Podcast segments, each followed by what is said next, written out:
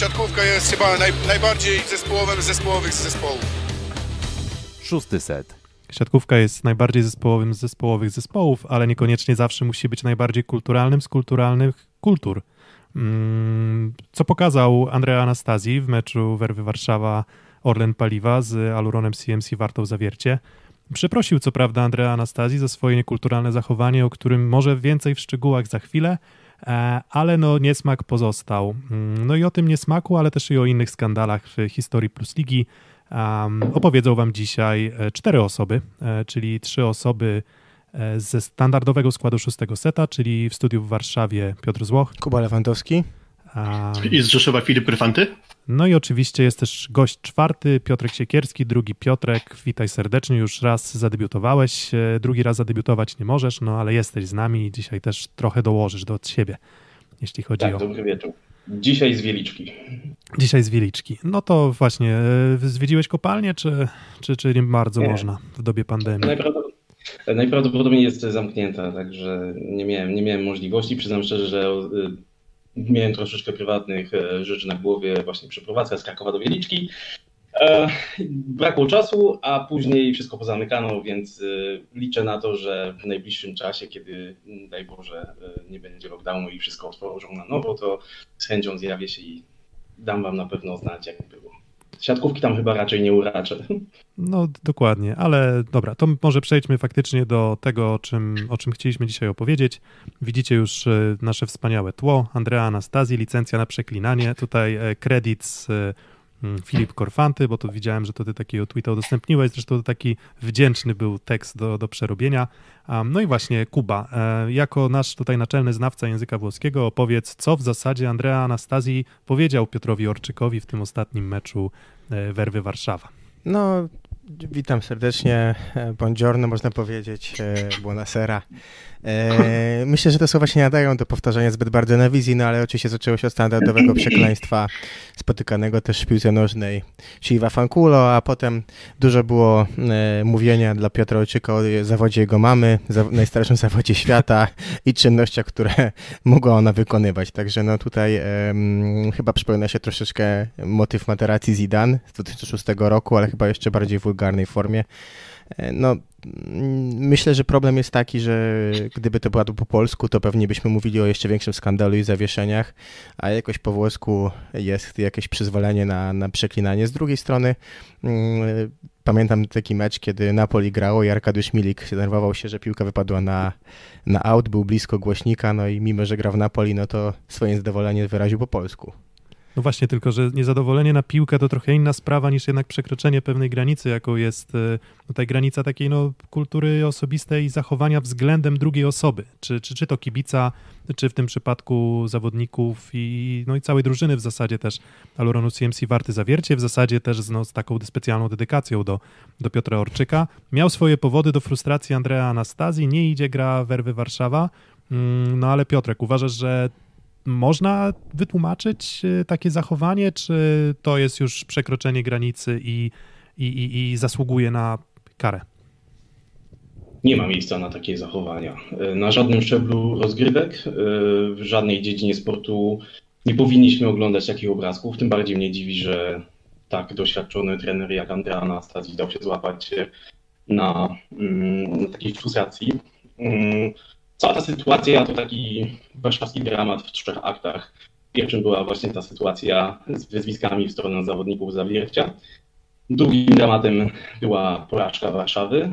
Oczywiście ta, ta sytuacja z wyzwiskami niekoniecznie musiała być katalizatorem do porażki, natomiast no, na pewno też Zawiercianom dodała troszeczkę wiatru w żagle.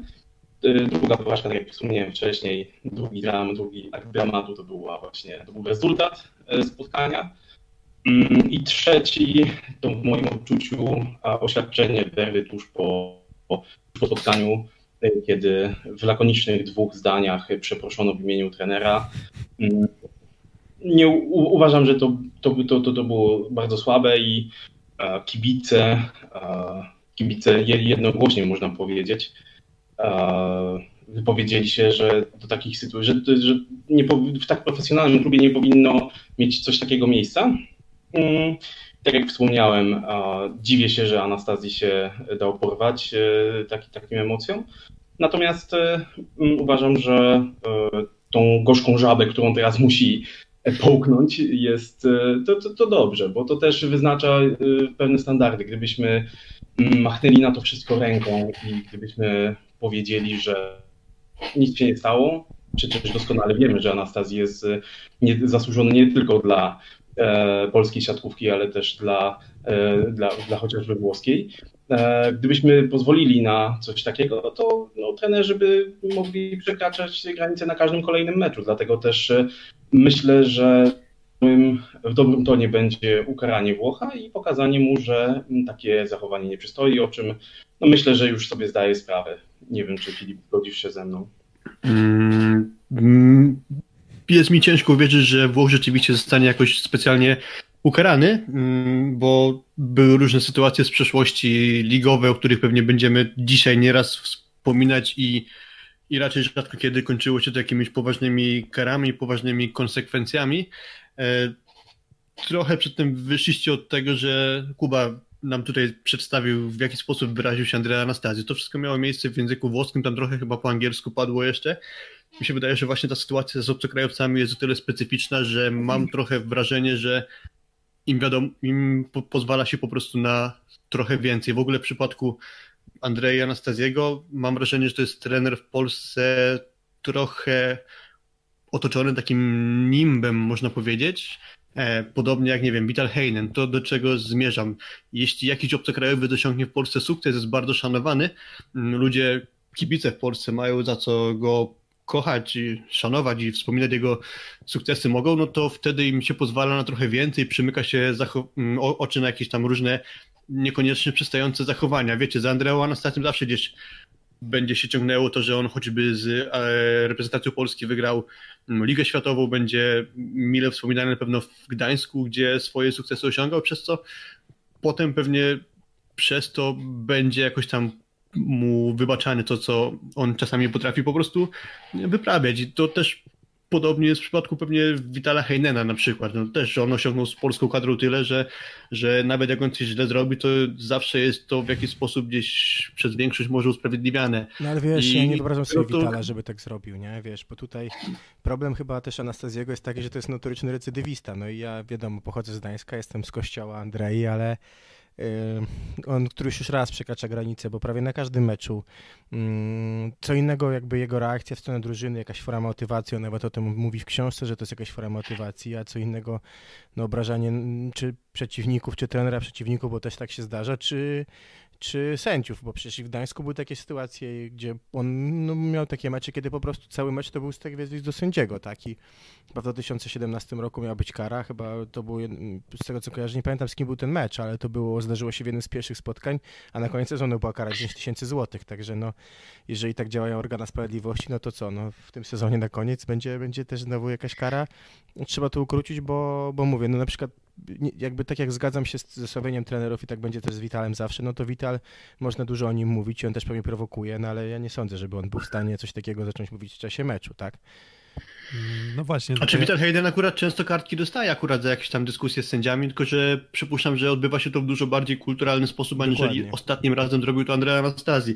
Y, wtrącę wątek światu. W ogóle liczymy, że będziecie jakby aktywnie uczestniczyć właśnie w tej naszej tutaj rozmowie, bo pewnie sporo rzeczy pozapominamy, więc możecie nam przypominać, będzie to służyło płynności tej dyskusji. E, Markow napisał, że Heinen jest, był jechany niemal cały czas w Polsacie i to było mało trafione porównanie.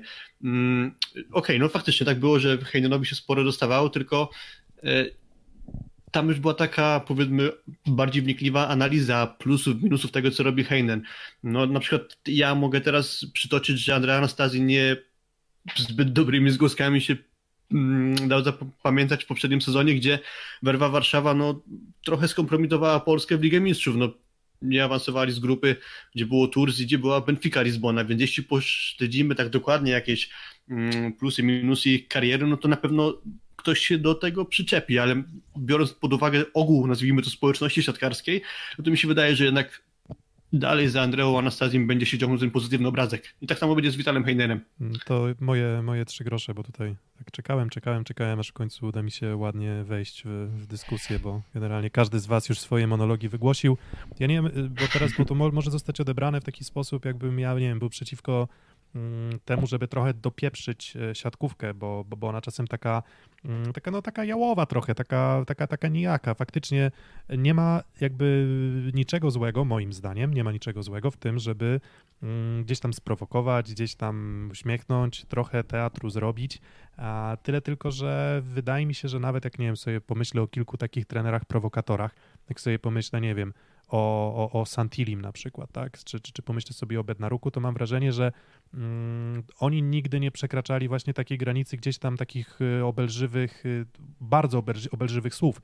Bo wiecie, czym innym jest to, gdy rzucisz y, słowa, słowami na 5 liter, albo nie wiem, jak tam niektórzy mówią, pięć gwiazdek ostatnio e, i, i rzucisz to pod nosem, albo rzucisz to jako wyraz swoich emocji, no to jest gra dla mężczyzn e, i, i to jest naturalne, ale to jest jakby element takiej powiedzmy mm, element e, tak naprawdę wyrazu własnych emocji, uczuć, ale w momencie, w którym jednak dotyka to kogoś personalnie, obraźliwie, to, mm, to wydaje mi się, że to jest już przekroczenie przekroczenie granicy. I, i tutaj faktycznie nawet jak Markow upisze, że teatr Andrzej, Andrzej Anastazjego równa się przekleństwa i wyzwiska, mm, no i tak, przyszła kryska na Matyska. Ktoś w końcu to przetłumaczył i ktoś po prostu potraktował to na poważnie. Pytanie, czy na poważnie potraktują to władze ligi. A jeszcze tak może, bo tu mówimy o sobie o, o tej formie jakby zachowania anestezjego, ale niektórzy są zawodnicy też, którzy podobnie zachowują się i to myślę, że też uchodzi bardzo płazem, bo e,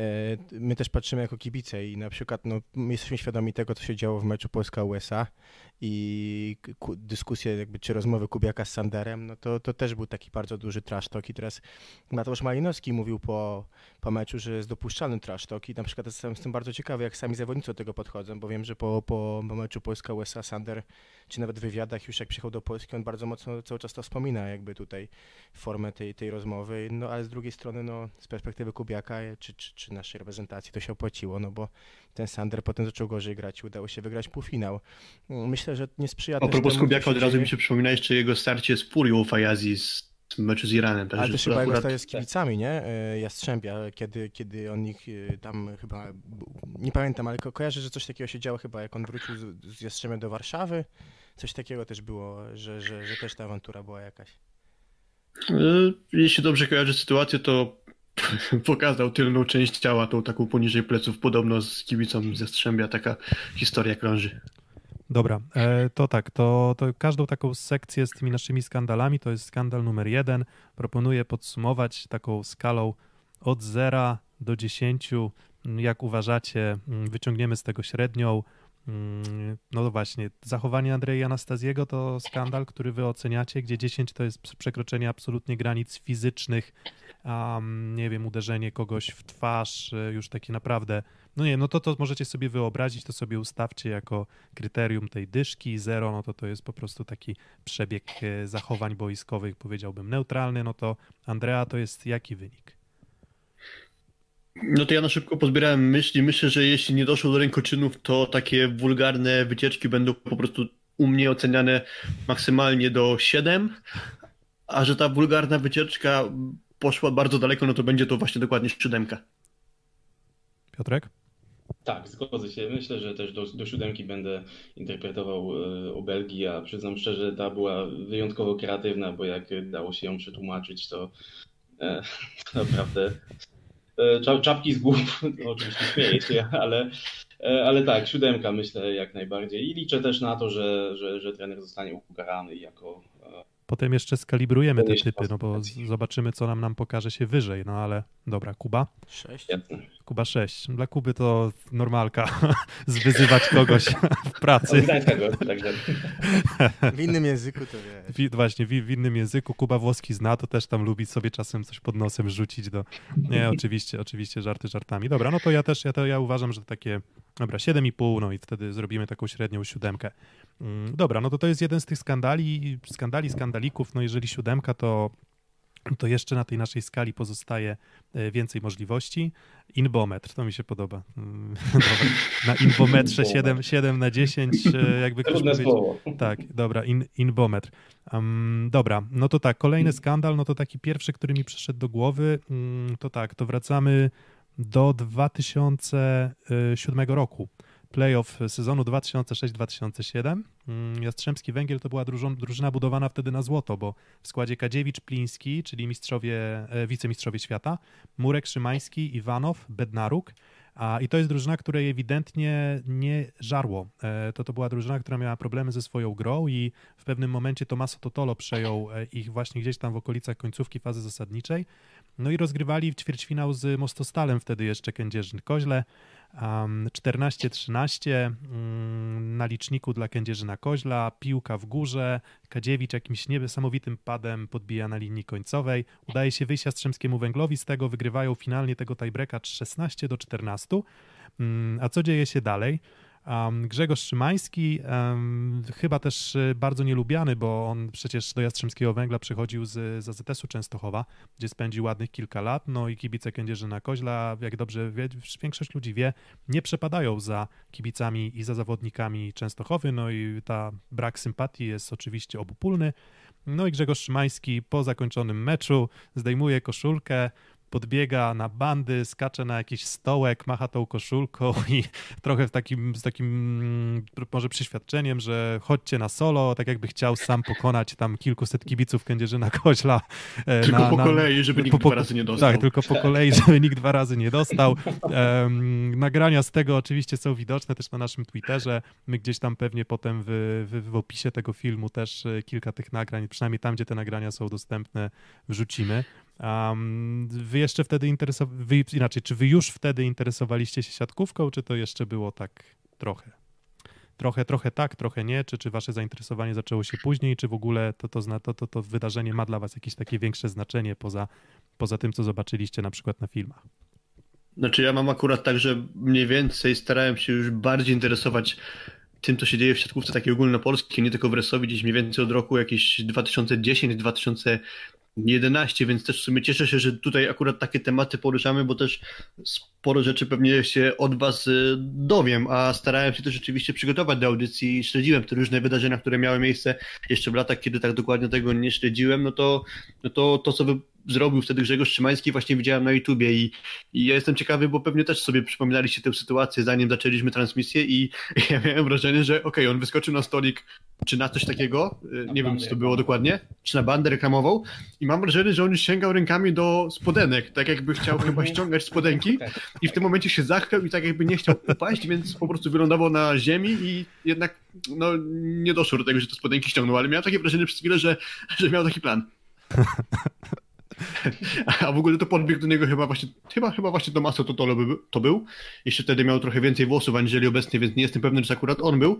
I chyba też Kuba Bednaruk tam za chwilę się pojawił i, i próbował właśnie Grzegorza Szymańskiego trochę spacyfikować. Tak, i Daniel, Daniel Pliński tam też próbował potem, z tego co widziałem, jest, są takie E, nagrania. Dyskutował on tam chyba z osobą z klubu kibica właśnie Mostostaru. Dokładnie, no i no właśnie, Tak, no, i, tak, tak, no, no i to właśnie, no i czy, czy gdyby pokazał swoje zacne 4 litary Grzegorz Szymański, to czy to byłoby już 11 na 10, czy w tym Czyli nie wiem, co miał pod spodenkami, także to jeszcze pozostaje nierozwiązana Dokładnie, tajemnica. bo, bo nie, nie wiemy do końca, jakie miał zamiary e, Grzegorz Szymański. Natomiast no, sytuacja, sytuacja no, według mnie no, jakby ku- kuriozalna, tak? To rozumiem, że tam możesz być, nie wiem, zły na, na swojego rywala, ale jakoś zawsze ci kibice wydawali się być e, mniej lub bardziej nietykalni, co może nie jest do końca prawdą. E, Piotrek, ty właśnie, ty, ty już wtedy interesowałeś się tym, czy, czy to dla ciebie też są rzeczy nowe? Mm, Mhm, już mówię, nie, nie, to nie jest, to nie jest coś y, nowego dla mnie. Ja w siatkówce jest y, długiego czasu. W zasadzie w piątej klasie szkoły podstawowej zacząłem treningi sam, też dzięki rodzicom, którzy mieli e, możliwość pracy w e, najpierw Kazimierzu Płomień Sosnowiec, a później w Polskiej Energii. Także też e, zainteresowałem się siatkówką dosyć wcześnie. Także te sytuacje, ta, ta sytuacja też nie jest, nie jest mi obca. Pamiętam Grześka Szymańskiego miałem przyjemność też właśnie w Sosnowcu poznać pry, prywatnie, także no, oczywiście wtedy byłem nastolatkiem, miałem jeszcze gile pod nosami, ale, ale oczywiście e, znałem go i wiedziałem, że jest to naprawdę mega skromny chłopak z Ostrowca Świętokrzyskiego, natomiast no, w tamtym meczu oczywiście no, no, no wylało mu się i co, co, co, co tu dużo mówić, gdyby faktycznie pokazał cztery litery kibicom i pojawiłaby się nagość, no to zdecydowanie jedenastka by mu, by mu e, się, się, się należała, natomiast, e, natomiast no, cała ta sytuacja też no, oczywiście została sprowokowana e, w jakimś stopniu przez kibiców, a to jest, to jest też ciekawe, co się pojawiło pierwsze, bo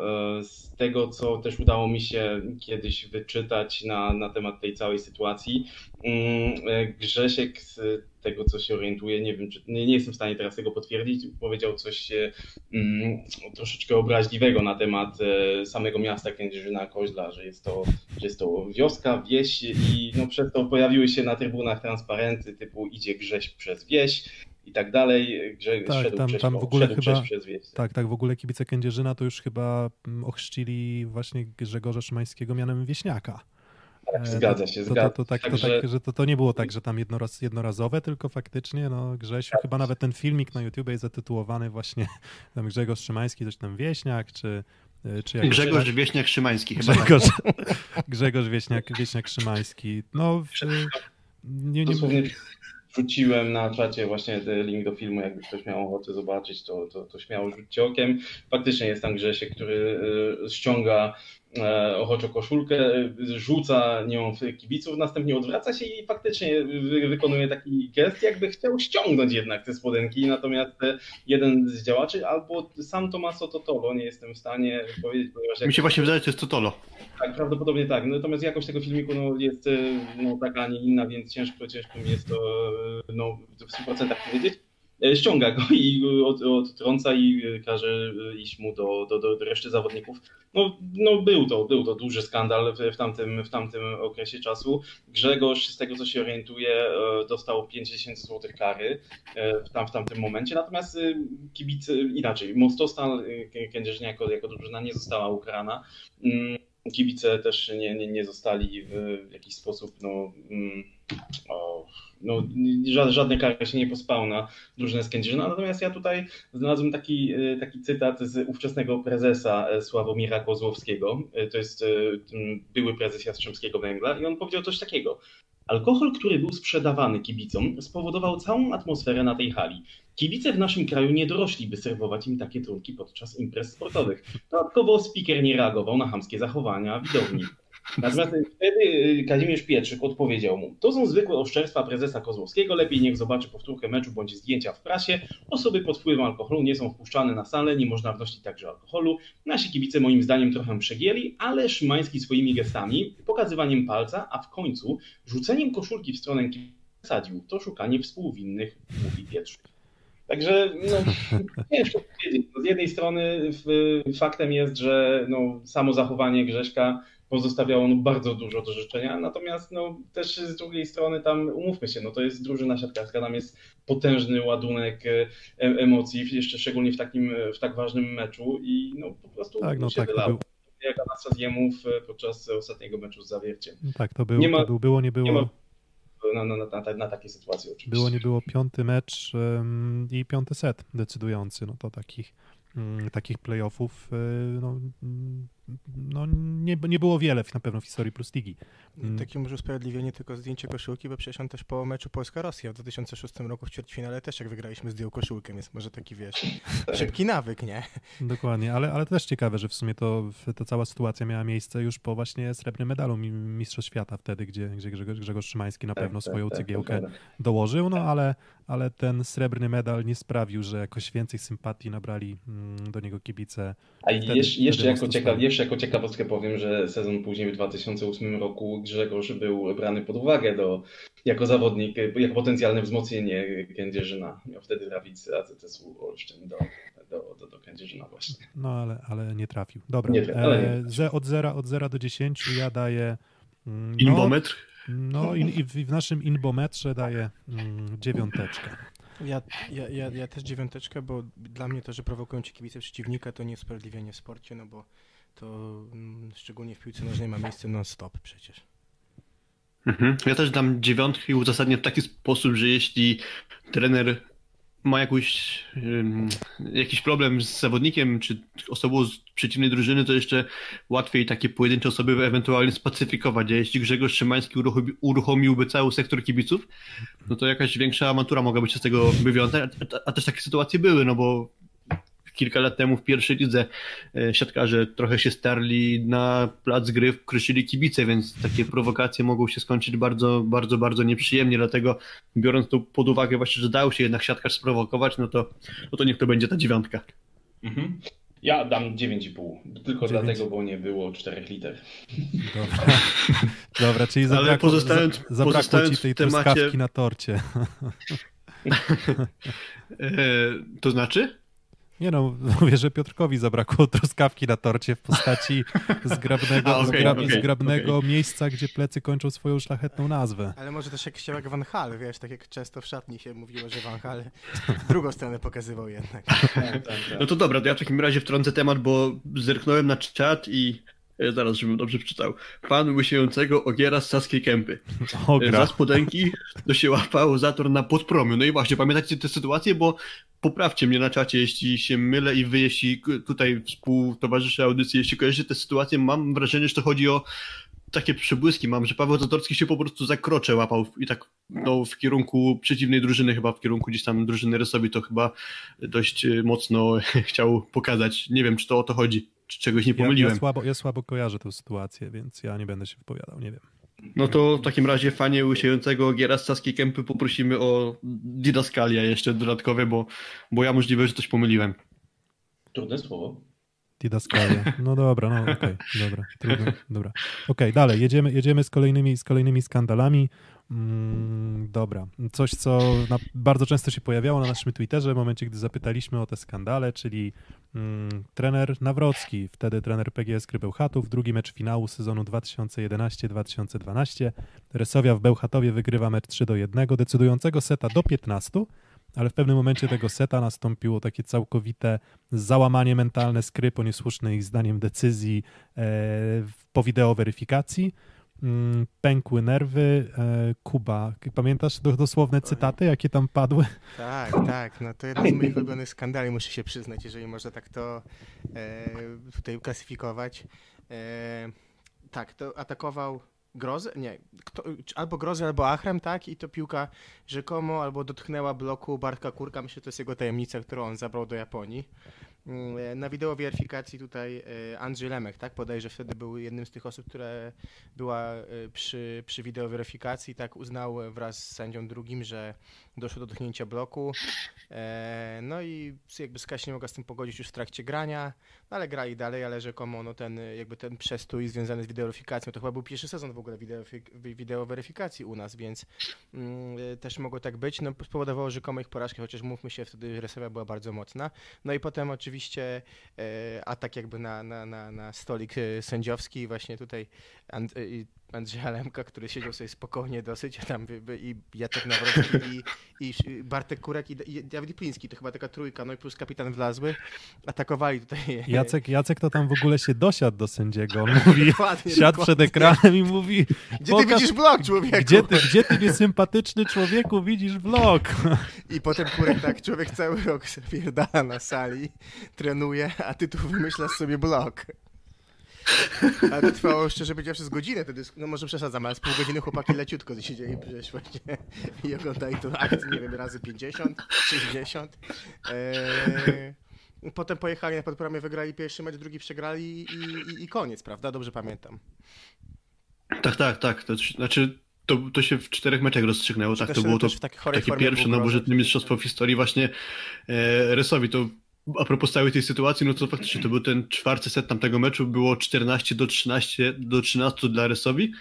Atakował Paul Lotman i no. sędziowie rzekli, że piłka otarła się o ramię Bartosza Kurka. Zrobiło się 15 e, do 13, a jeszcze Jacek Nawrocki otrzymał wtedy czerwoną kartkę, co, znaczy żółtą kartkę, wtedy jeszcze żółte kartki oznaczały stratę punktu, więc de facto zamiast 14 do 14 zrobiło się 16 do 13 dla Resowi i tak jak Piotrek powiedziałeś, 25 do 15 się ten mecz w czwartym secie zakończył i, i, widać, że to chyba podcięło trochę skrzydła skrze, ale potem już animuszu przy stoliku sędziowskim po, po meczu nie zabrakło, ale, ale wtedy tam na pewno nerwy siatkarzom skry i też no, choćby Jackowi Nawrockiemu puściły, ale jak to po czasie się ogląda, to, to trudno powstrzymać yy, śmiech.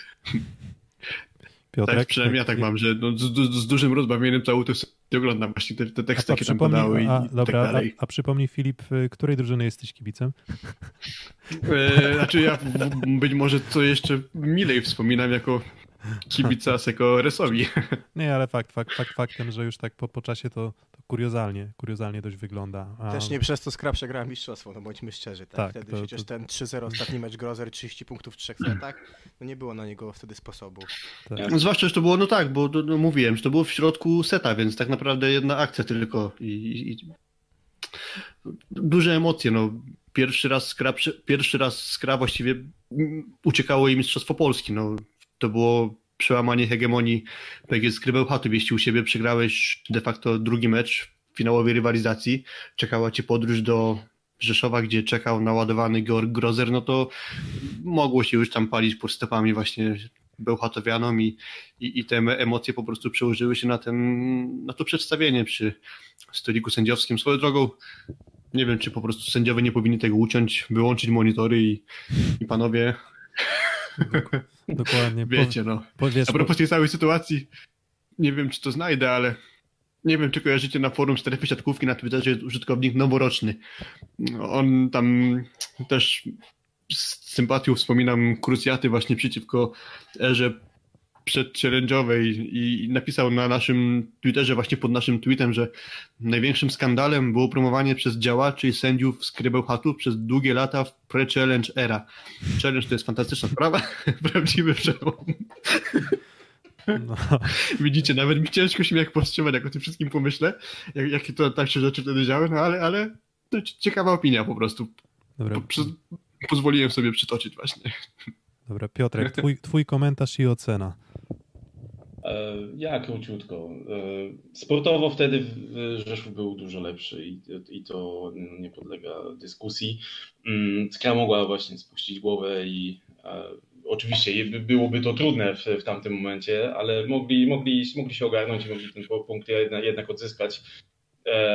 No, cała sytuacja kuriozalna, że, że, oczywiście i wydaje mi się, że no, no, na pewno cieszy fakt, że, że mamy ten challenge, że możemy z niego korzystać i fajnie, że sędziowie używają go w, ka w, każdym spotkaniu.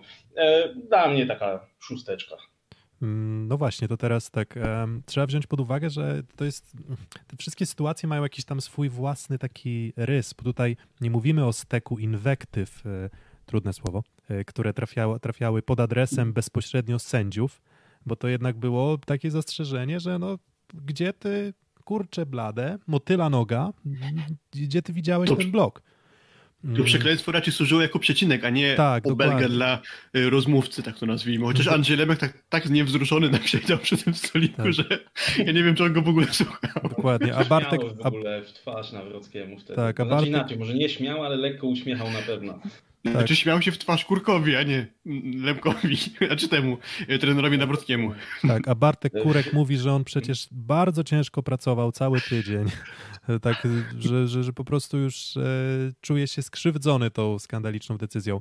Nie, ja myślę, że takie sześć też. To, to tutaj właśnie zabrakło mi tutaj takiego ataku jednak na, takiego personalnego, więc, więc tutaj szósteczka. Rzut jak albo coś. Dokładnie. Znaczy, w pewnym sensie rozumiem właśnie frustrację skry, no bo bądź co bądź ta akcja została dość dziwnie przez sędziów określona, a bądź co bądź nie przerodziło się to w bezpośrednie ataki, czy to słowne, czy, czy fizyczne na, że tak powiem, rywala w tym przypadku, no to niech będzie ta szóstka.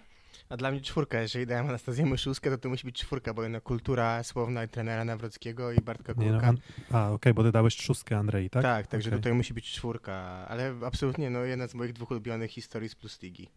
Dobra. E... Moja chyba też. Dobra, um, czyli tak, czyli tam potem jakieś tam średnią z tego zrobimy. Ile tutaj wychodzi? Jest szóstka? Kuba, ty mówisz? Cztery, czyli wychodzi nam pięć i pół, tak? Trzy a. szóstki, jedna czwórka. Tak, dokładnie, dokładnie. Pięć i pół. No to jeżeli chodzi o skalę tego naszego inbometru, jak to Rafał Tomkowiak napisał na czacie, to to na razie, mm, na razie cały czas Grzegorz Szymański, tak? Gdzieś tam link oczywiście Skra versus Resowia, nie było bloku, sędzia go widział.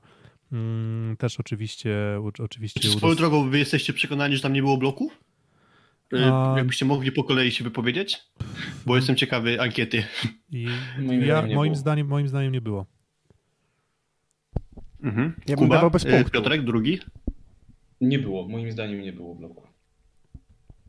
Kuba? Ja bym dawał bez punktu. Y, tam widziałem na czacie, że ktoś napisał, że Bartek się przyznawał, znaczy w rozmowie z Karolem Kłosem mówił, że nie było bloku. Ale chyba było dobrze zaraz zadzwonić do, do Japonii i się spytać ostatni raz, żebyśmy to wiedzieli raz na zawsze. Mhm. Ja mam takie wrażenie, tak 80 do 20, że tego bloku nie było, ale jak ta piłka gdzieś koło ręki przelatuje, to dziwnie tak mięśnie tej ręki jakby się poruszyły, ale ja nie mogę mieć pewności, czy to skutek kontaktu z piłką, czy może po prostu akurat ta ręka tak się złożyła, że gdzieś tam jakiś delikatny y, ruch na skórze mięśniu się po prostu pojawił, ale, ale 80 do 20 daje, że kontaktu nie było. Dobra. Okej, okay. no to mamy ustaloną ocenę, to teraz Mm, kolejny hit y, plus ligowy. Mm, to już takie czasy zamierzchłe. Ja wtedy no, byłem no, dzieckiem, takim dzieckiem, dzieckiem. Nawet w sumie rachitycznego wąsa pod nosem jeszcze nie miałem. E, rozgrywki sezonu 2001-2002. Mm, Mostostal Azoty Kędzierzyn-Koźle kontra Galaksja Jurajska ZS Częstochowa. E, i prezes Częstochowskiego klubu Andrzej Gołaszewski, który uderzył w twarz zawodnika swojego zespołu Michała Bąkiewicza, którego uznał głównym winowajcą porażki. Doszło do szamotaniny, prezesa i, i zawodnika rozdzielali trenera ZS-u Ireneusz Mazur i świętej pamięci środkowy Częstochowskiego zespołu Arkadiusz e, Gołaś. Mm, wiemy, jaką temperaturę miały te spotkania, e, ta, ta święta wojna. Mm, no i jednak AZS często przegrywał i tam frustracja też się oczywiście oczywiście rodziła dość duża, w szczególności w obozie medalików, jak to, jak to sami się określają też e, i kibice, sympatycy mm, AZS-u Częstochowa. Ale no to muszę przyznać, że to tak jak mówiliśmy, Andrea nie przekroczył granic tych fizycznych, a jednak uderzyć w twarz swojego zawodnika, no to trochę brak mi słów na to nawet jak to, jak to określić. Co wy, co wy o tym sądzicie? Strata wizerunkowa na pewno dla klubu. E, no, no tutaj myślę, że jak już dochodzi do rękoczynów, no to już pospieszę z oceną, oczywiście 10 na 10. Nie, no, no podobnie jak w sytuacji z Andrea Anastazim, z Grześkiem Szymańskim, do takich sytuacji nie powinno dochodzić. Tym bardziej, że mówimy o poważnych ludziach, no, prezes klubu Gołaszewski Andrzej, który przecież już e, na, stanowisku, to stanowisko też piastował kupę czasu. E, on potem, on potem no. chyba w nagrodę nawet był dość wysoko w zarządzie Polskiej Ligi Siatkówki, jeżeli dobrze pamiętam. Tak. Dobrze pamiętasz, tak, masz rację. I przyznam, no, no, nie, nie, no, nigdy nie powinno dochodzić do takich sytuacji. No, pamiętajmy, że to jest, to jest sport. Oczywiście, profesjonalny sport to są głównie pieniądze, i, ale, ale no nie. No, z, z czysto ludzkiego punktu widzenia nie ma miejsca na takie sytuacje i to, jest, to był naprawdę ogromny skandal. Ja przyznam szczerze, łapałem się za głowę.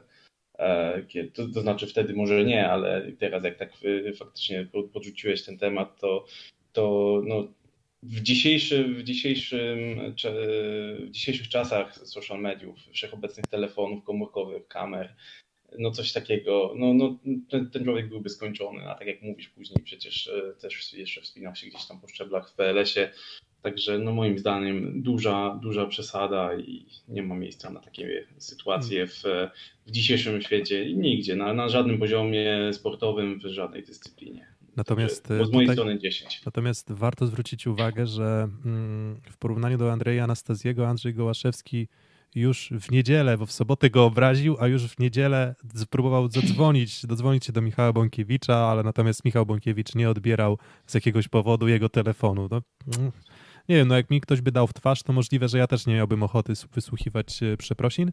Mm, natomiast e, prezes złożył dymisję z, z, z roli no właśnie prezesa i ta dymisja została, mm, została przyjęta. A tak? tutaj, wiesz co, może powiemy, bo tutaj zawsze spokojnie Reneusz Mazur powiedział swoje. Powiedział, że ten incydent będzie często wracał, łatwo nie zostanie wymazany z pamięci.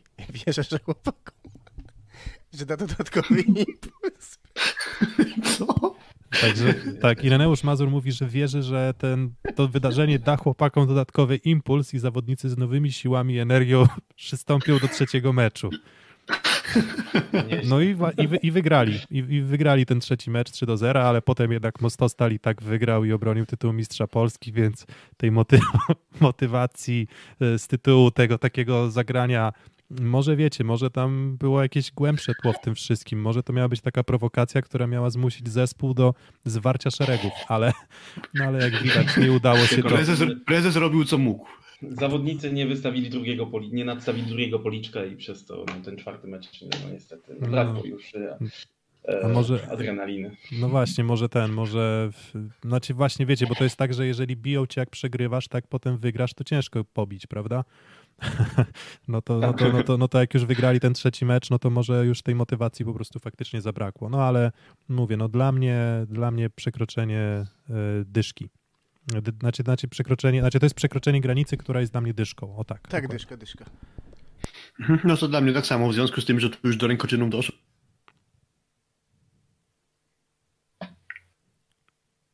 Halo? Halo, halo. Halo? halo? Bo na chwilę, na chwilę, że tak, że, że urwało cię trochę. Filip. Andrzej Gołaszewski dorwał Filipa. E, nie, mam się dobrze. E, nie wiem, czy, czy mnie ucięło na tyle, że nie słyszeliście, co powiedziałem. W każdym razie doszło do rękoczynów, w związku z tym ode, mnie ocena 10. Dobra, e, no to, no to mamy dyszkę, no to to jest nasza skala, czyli powiedzmy od zera do Gołaszewskiego.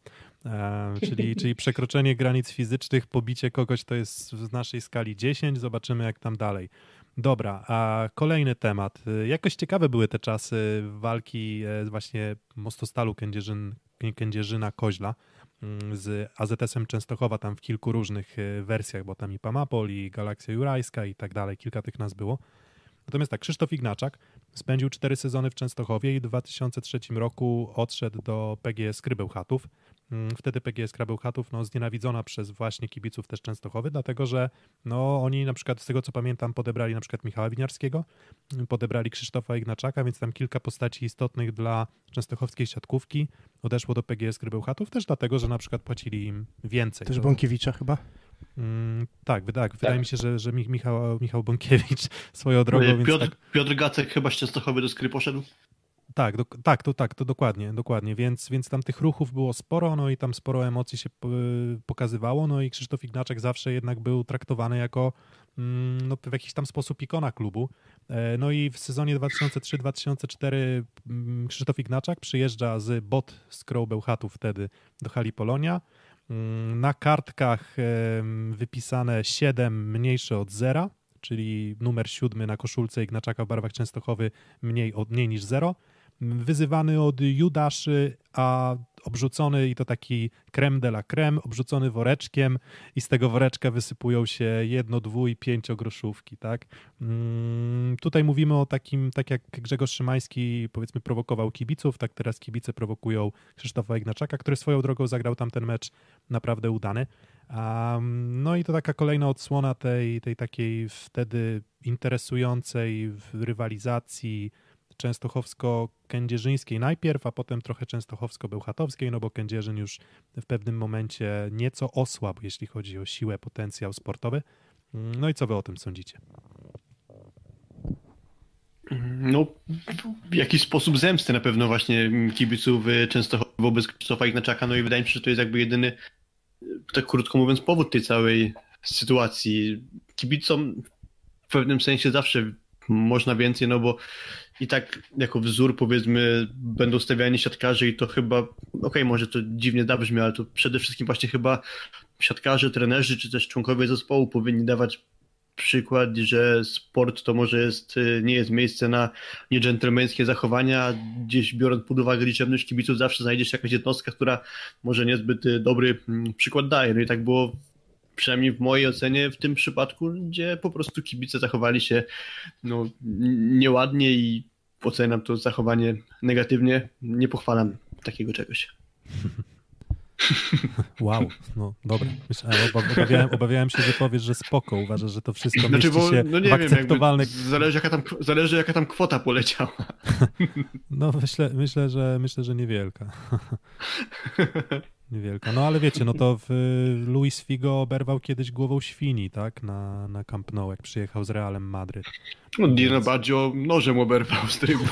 By, bywało gorzej. Więc, więc jakby oberwał nożem, no to ten skandal mógłby też zahaczyć o dyszkę, co? Przypomniał Ale- mi się, przepraszam, też piłkarski wątek Dani Alves, w którego kibice, nie pamiętam którego zespołu, ale w barwach Barcelony Dani Alves dostał bananem i tego banana podniósł i zjadł.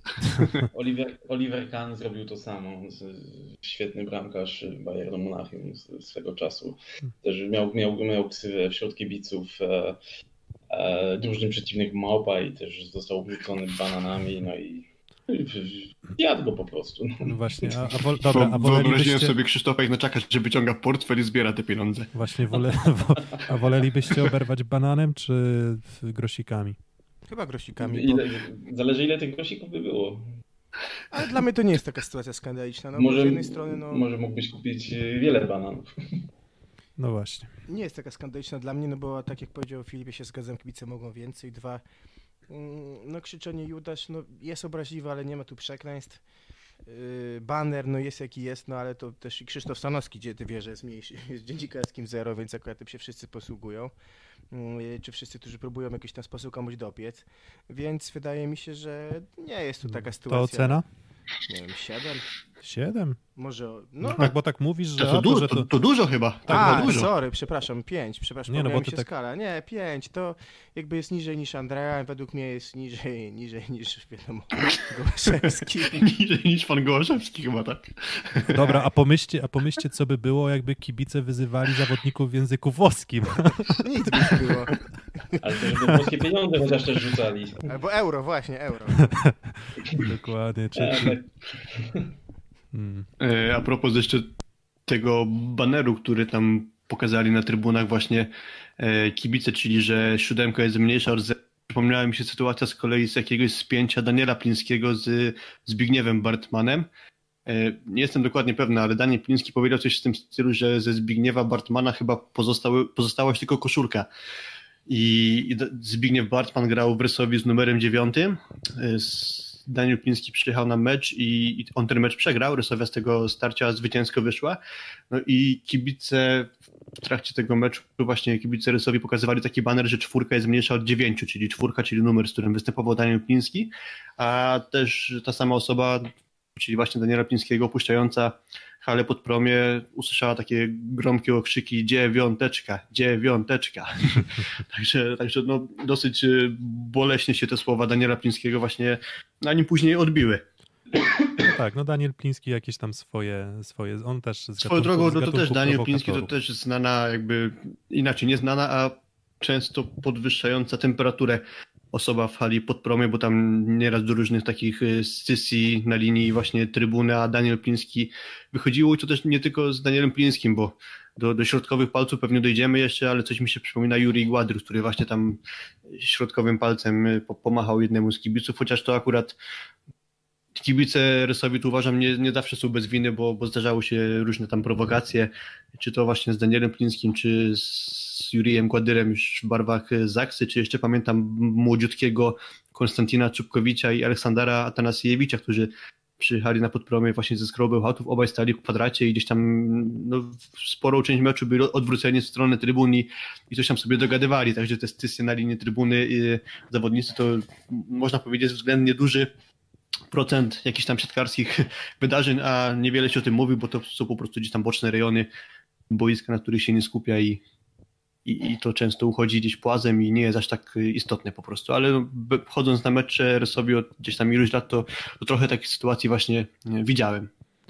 Mm, Dobra, moim Widziałem, zdaniem, moim zdaniem piąteczka. Moja ocena jeszcze, bo nie, nie skończyłem, tylko porządkując dyskusję, niech będzie czwórka dla Czwórka. kibiców AZS-u Częstochowa. Mm.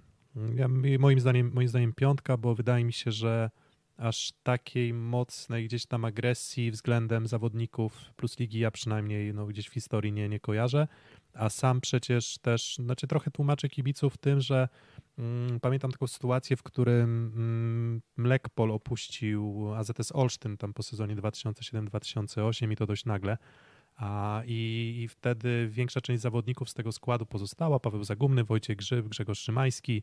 Mm, natomiast e, Marcin Możdżonek odszedł wtedy do PGS Krybełchatów, rozwiązał e, kont, kontrakt i gdzieś było takie nagranie na, na, na YouTube, już nie mogłem go znaleźć, natomiast takich gwizdów, jakie Marcin Możdżonek, właśnie też zresztą nazywany nomen omen przez kibiców wtedy Judaszem, mm, ja nie pamiętam, więc no te emocje kibicowskie się swoimi prawami rządzą i i trochę, trochę to wybaczam, natomiast no było, nie było kreatywność w takim, mm, w tej, tej takiej ofensywie kibiców na, na Ignaczaka uważam za, za coś, co, mm, co, co tutaj liczyłem. Uznałem, że warto wyróżnić, może nie jako coś chwalebnego, ale jako coś, co na pewno zasługuje na uwagę, ale to tak czy inaczej jest to dla mnie piątka, bo kibicom e, więcej się wybacza.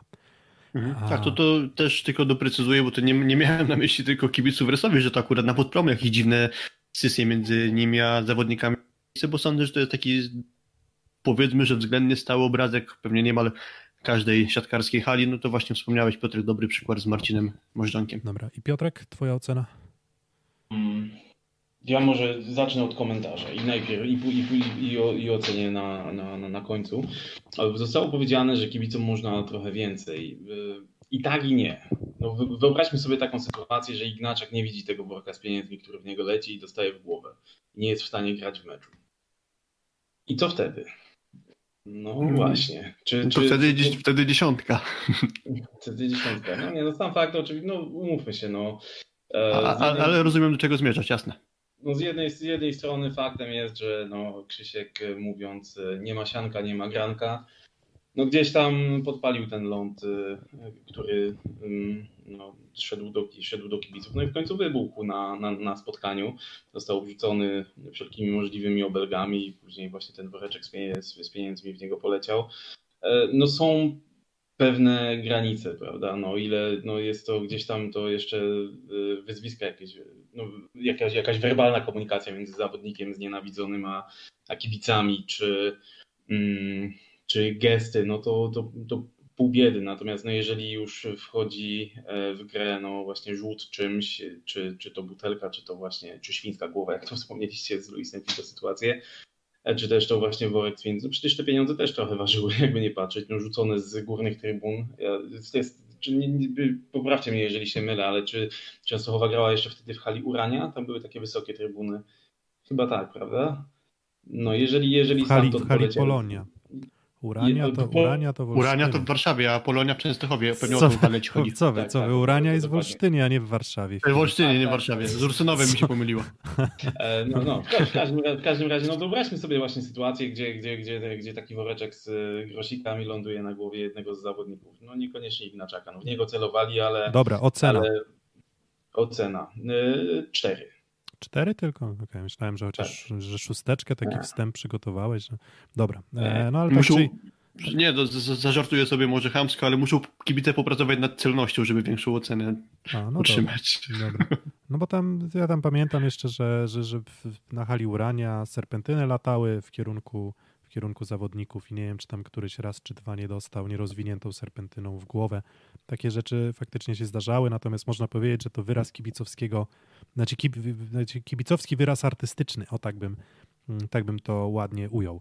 Mm, dobra, kolejny, kolejna sytuacja, która mi się nasuwa, mm, jako taka, która gdzieś tam taką kontrowersją była.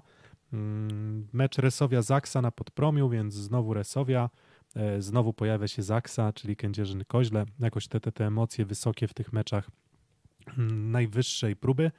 Mm, no i siatkarski kabaret.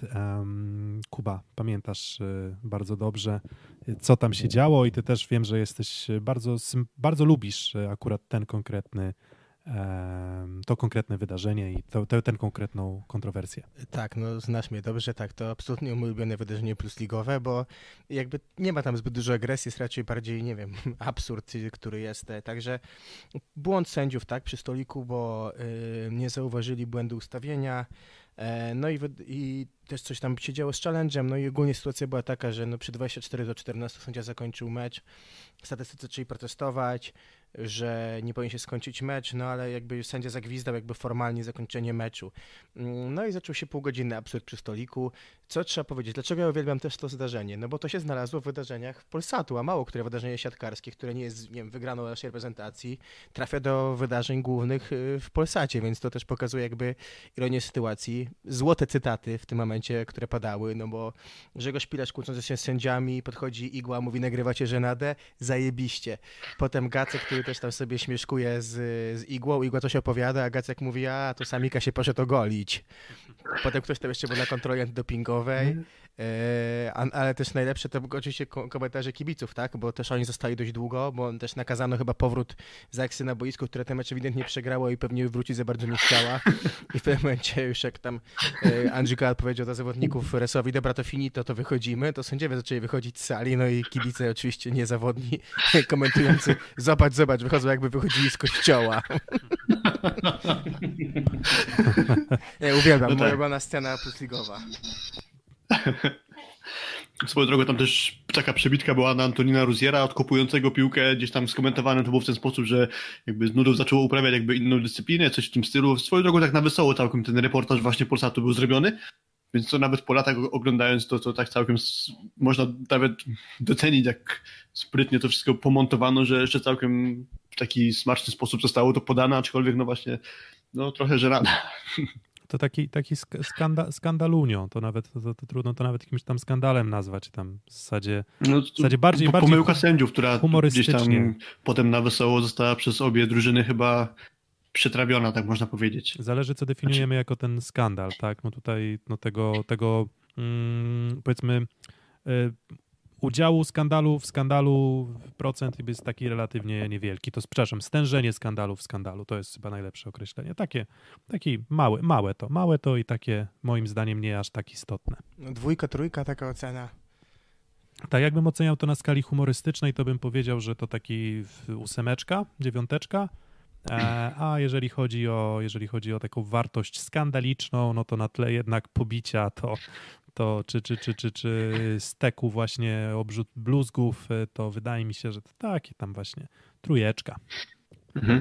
No to mój komentarz jest taki, dam temu dwójkę, dla... jeśli tutaj mówimy o takich trochę sytuacjach na wesoło, no to jedynkę dam tej sytuacji, gdzie w kwietniu 2020 roku Szalpuk z Muzajem się tam starli, to był mecz trefla ze Strzemskim Węglem i sędzia wezwał właśnie Artura Szalpuka i Macieja Muzaja i tam taka krótka dyskusja o co chodzi i chyba Szalpuk do Muzaja albo odwrotnie, nie pamiętam, powiedział, że, że mu nie oddał pięciu dych. No to, no to to jest taka bardzo dla mnie sympatyczna sytuacja, która jakoś tam rozbiła ten cały powiedzmy, że spór, no to tej sytuacji dałbym ja jedynkę w, czasach, w takim razie. Ja w czasach studiów y, nie oddałem koledze, czy, czy mojemu przyjacielowi wtedy kasy za szarmę w Sfinksie i też mi powiedział, że mam bardzo szybko udać się z jego życia, ale jakoś się pogodziliśmy, więc, więc y, pozdrawiam, pozdrawiam Radula. Radul pewnie nie słucha, bo akurat się siatkówką nie interesuje, ale ale pamiętam taką scysję, do tej pory się z tego śmiejemy i... Możesz, możesz śledzić twoje dokonania, bo gdzieś liczysz, że kasę mu jednak oddasz, tak? To ale, wiem, ale, ale, ale, ale wydaje mi się, że w końcu oddałem. Tak, no a ta shawarma nawet nie była taka dobra, no ale to tak na. Taka, taka, taka, taka dygresja. A to przepraszam, to faktycznie nie oddawaj. A to, a to, a to mogę nie oddawać. Dobra. Mm, Jakby chodziło o pięć dych, to co innego. Dobra, kolejny, kolejny skandal, chyba taki najświeższy relatywnie, Mm, znaczy, znaczy jeden, jeden z tych świeższych, bo z sezonu 2018-2019, mecz finałowy 2 do 2 w pierwszym meczu Werwa Warszawa prowadzi 14 do 13. Mm, no i tak, przyjęcie Piotra Łukasika, pierwsze odbicie.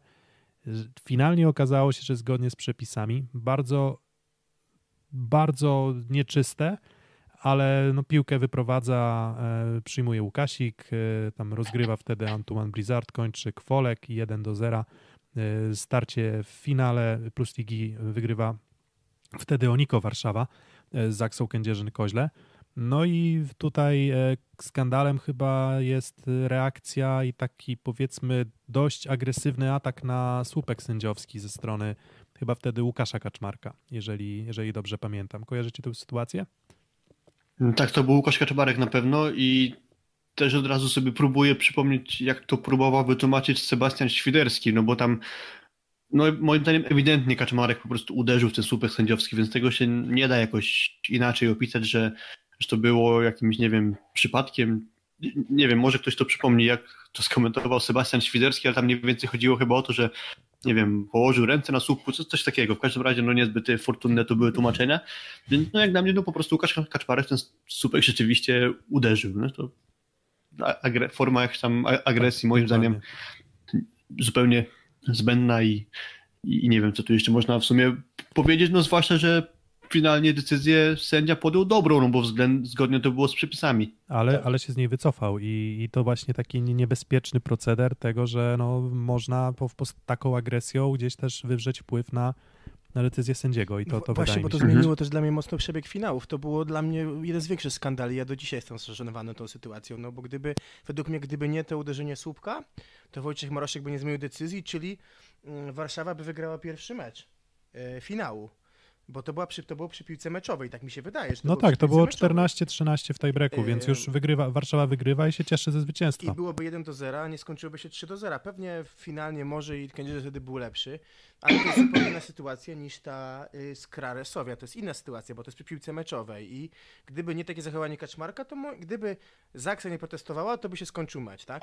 A forma protestu Kaczmarka była żenująca, nie było za to żadnej kary, a jeszcze bardziej żenujące jest tłumaczenie prezesa swojego zawodnika, no bo rozumiem, wygrane, bo są presje sponsorów, no ale y, Sebastian Świderski jako zawodnik by tak się nie zachował.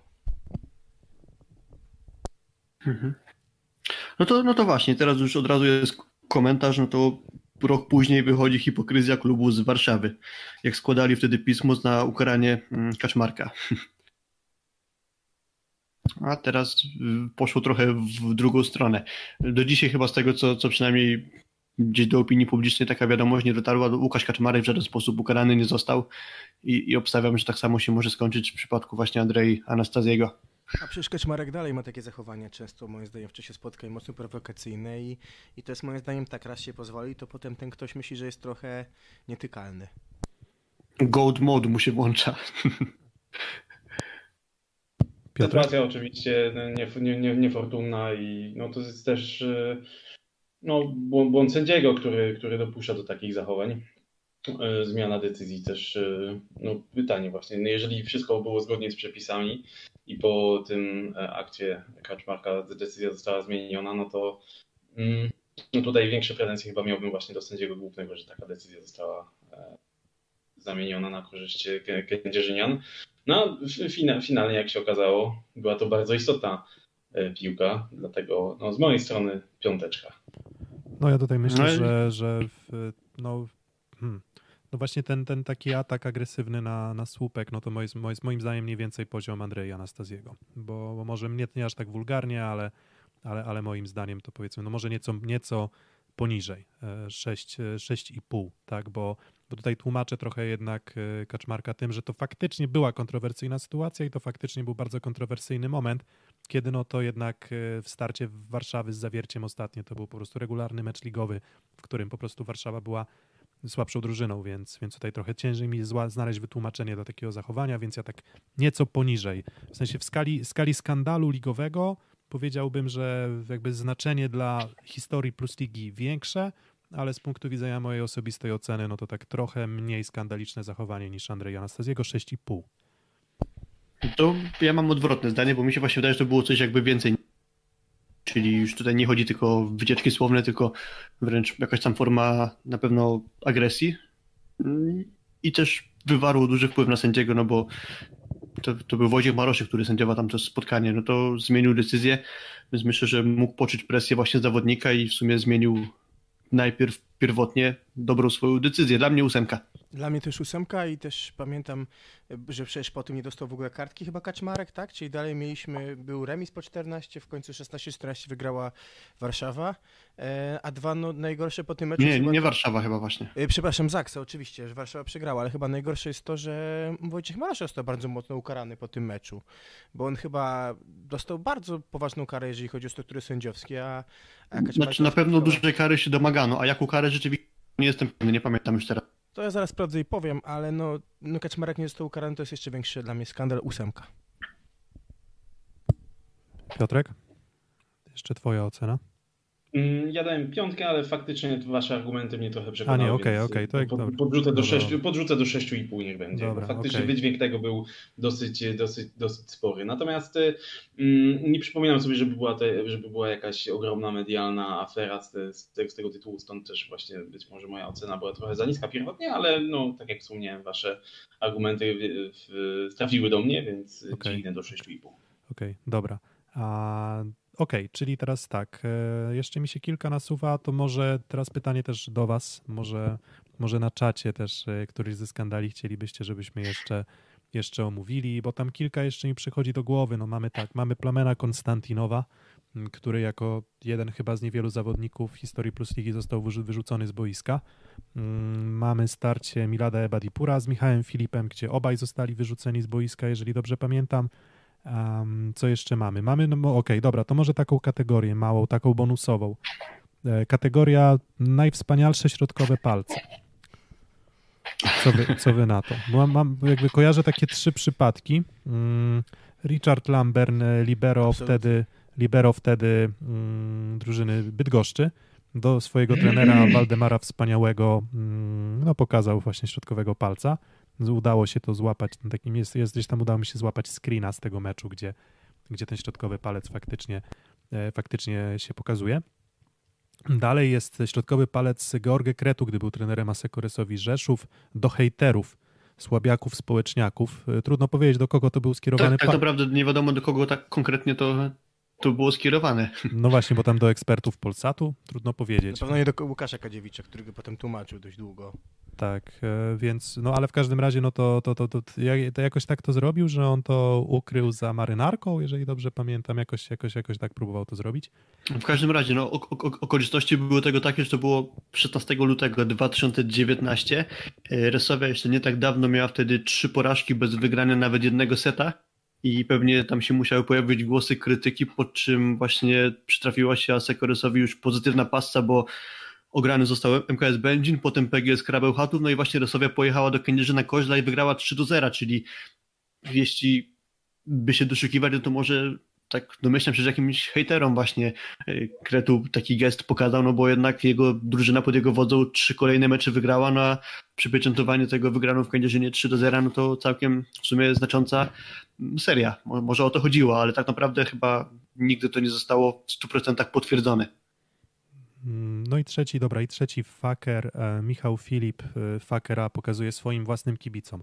Czyli już To było w zeszłym sezonie chyba, tak? Tak, tam chyba, chyba no wiesz co, w zeszłym, w zeszłym sezonie albo dwa sezony temu. W każdym razie w barwach jeszcze Wydaje mi się, że w zeszłym i też trochę to było łączone z jego transferem do Bydgoszczy później, że być może gdzieś te, ten konflikt na linii Michał Filip z kibice Ceradły i Czarnych Radom może po części przysporzył się do tego, że został trochę może łatwiej pożegnany właśnie Michał Filip i, i udał się do Bydgoszczy. Mm, No i tak, no to te trzy fakery, nie wiem, czy jeszcze kojarzycie jakiegoś innego, e, takiego jakiegoś spektakularnego. Grzegorz Nowak, środkowy Iwetu Jastrzęb, Jastrzębie Borenia pokazał kibicom e, w hali Polonia. Okej, E, okej, tak, czy- często opowiadam, po, po, tak, pokazał też właśnie środkowy palec. czyli mamy, Szukałem, szukałem zdjęcia, ale niestety nie znalazłem, także nie jestem w stanie tego udowodnić, natomiast e, wiem, że tak było. okej, czyli mamy, czyli mamy cztery kategorie. Fak do trenera, fak do przedstawicieli mediów, fak do swoich kibiców i fak do kibiców rywala. Mm, No to co, który, który według was jest tym arcyfakiem? Hmm, ciężka, cięż, ciężki wybór. To już Hmm. tak skończymy. No to jak tutaj tym ostro się- skandali. W sumie wypowiedzieliśmy o tym, że prezes Gołaszewski pobił, czy tam uderzył własnego zawodnika, no to tutaj skoro Rich Lambert pokazuje środkowy palec własnemu trenerowi, no to, to może to jest ten taki już szczyt tego. Nie wiem, ciężko mi powiedzieć tak naprawdę. No ja to ja, jest e, no, słaby, mówmy się. E, Cięż, ciężko kategoryzować, no ale faktycznie no, do własnego trenera, kiedy pokazujesz e, no, prawdziwy gest, no to, no, to oznacza, że żegnasz się z grona na, na dłuższy czas, to na, to na pewno. A że wy- wychwyciły to też kamery, no to właśnie powstał. powstał Znaczy też trzeba przyznać, że Waldemar Wspaniały nie zawsze był arbitrem elegancji akurat, trzeba przyznać, w stosunku do swoich Ale zawodników. Był trenerem, także gdzieś tam To inna sprawa. me- metody metodami, ale no tre- trenera No tak, tak, oczywiście, szanować tutaj nie ma, nie, ma, nie ma co porównywać. No ja też uważam, że właśnie, właśnie Richard Lambert do, do Waldemara Wspaniałego taki poziom e, no dość up, upokarzający dla trenera i pokazujący, że tam wtedy właśnie w drużynie Bydgoszczy coś bardzo e, nie działało. Zgadzam się. No dobra, no to mamy, mamy domknięty taki bonusowy temat. E, tych skandali jeszcze, jeszcze było, było kilka, tak, bo tam w bo pierwszej lidze można, w, już wspominałeś Filip, że tam e, doszło do, do, do bijatyki.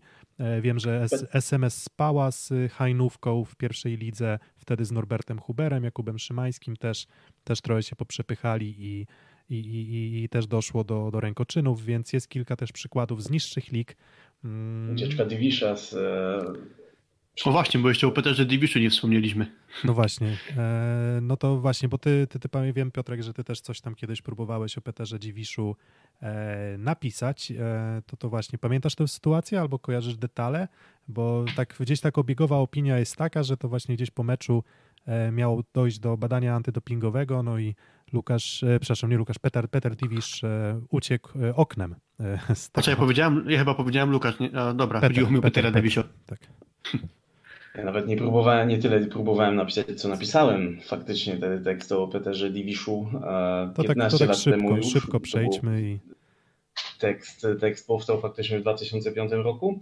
No z perspektywy czasu oczywiście nie, no nie jest to mój najlepszy tekst, ale, ale z sentymentem do niego wracam też przez to, że bardzo lubię, lubię grę tego, tego zawodnika, szczególnie, że grał w moim rodzinnym Sosnowcu, także też e, lubiłem patrzeć jak gra, był naprawdę fenomenalnym graczem w tamtym, w tamtym, w tamtym okresie czasu. Mówmy się, że wtedy mm, Plus Liga no, była troszeczkę, no nie była aż tak bardzo popularna, jak, jak, jaką jest w tej chwili. E, Te czasy e, złotej, złote, złotej siatkówki e, polskiej dopiero, dopiero miały przyjść. Dlatego przyjście kogoś takiego jak Divish do naszej ligi to było naprawdę wielkie wydarzenie. On wtedy pierwszy sezon 2002-2003 zagrał właśnie w Iwet Jastrzębiu Borynia wtedy, czyli obecnym Jastrzębskim Węglu. A miał dobry sezon, y, trzecie miejsce, brązowy medal i poszedł właśnie do Sosnowca, do, do KP Polskiej Energii, gdzie była całkiem fajna paka na, na zdobycie medalu. E, I to był ćwierćfinałowy mecz e, w Częstochowie, piąty. Był... A nie półfinałowy? Nie, nie, nie, bo y, Sosnowiec zajął wtedy piąte miejsce, natomiast, e, natomiast nie, nie, Sosnowiec nie wszedł do czwórki wtedy, nie wszedł do walki o medale. Wtedy y, czwarta była Częstochowa, piąty, piąta była Galaksja Częstochowa i piąty mecz y, odbywał się w mm, Częstochowie.